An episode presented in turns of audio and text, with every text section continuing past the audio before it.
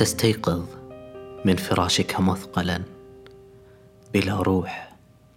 آمالك وأحلامك قد علقت ولا شيء ينتظرك في ذلك اليوم سوى الملل والرتابة. وربما أمور سيئة تنتظر دورها لتكون أسوأ.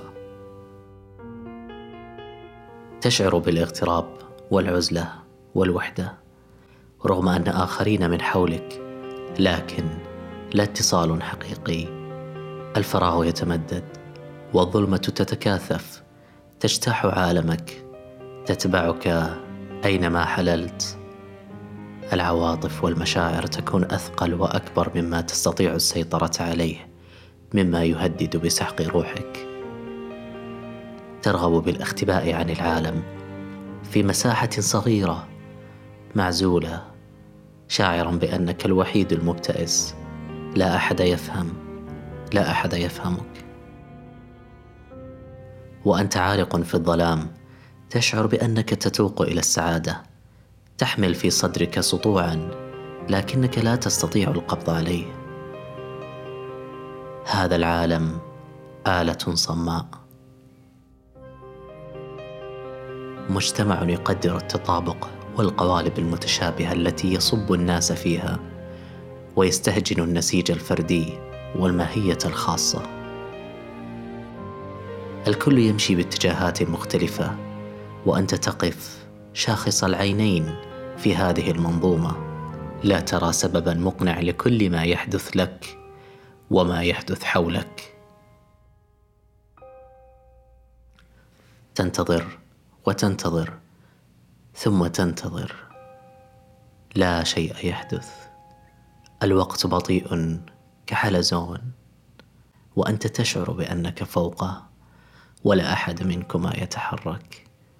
فلا تمضي لأي مكان أردت الوصول إليه فيداهمك شعور الضآلة وعدم الأهمية. والأسوأ ألا تأتي المتاعب والمشاكل فرادى بل تتداعى معا. أمواج بحر من البؤس والمتاعب الضخمة تتلاطم على قاربك الصغير.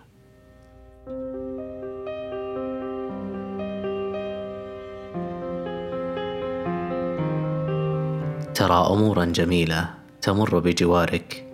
كالنسيم يهز أطراف ثوبك ويحرك خصلة من شعرك.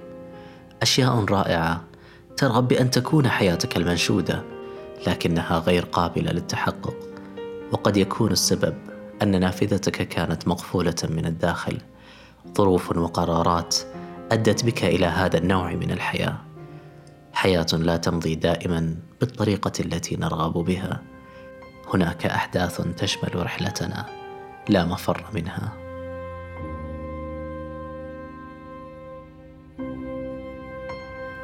تقف تائها فوق خشبة مسرح.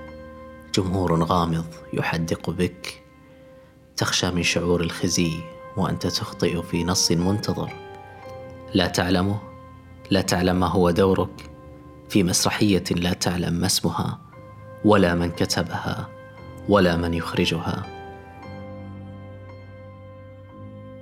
تقتحم حياة عامة مفتوحة زائفة بلا وجود أصيل يتضمن حقيقة ذاتك. وليس لديك فكرة واضحة ومحددة عما يجب فعله. أو ماذا يفترض أن تكون؟ أو أين تكون؟ في آخر اليوم تعود لغرفتك المظلمة لفراشك البارد. لا نهاية متوقعة لهذا اليوم إلا كما بدا. لتشاهد فجأة نبتة صغيرة قد نبتت في وسط الغرفة تنتظرك بصمت حولها هالة من بهاء وبهجة. تكبر أكثر وأكثر كما تتخيلها تكون. تصبح شجرة حمراء مشرقة وحية. كانت أوراقها الصغيرة ملقاة حولك في خضم يأسك. لكن لا يمكنك الالتفات لها والتقاطها بسهولة.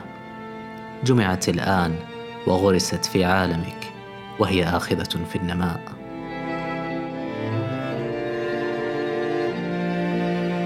تكتشف قدراتك الكامنة تتقبل ذاتك فتشعر بالرضا وبالقيمة وبالمعنى تتحرر.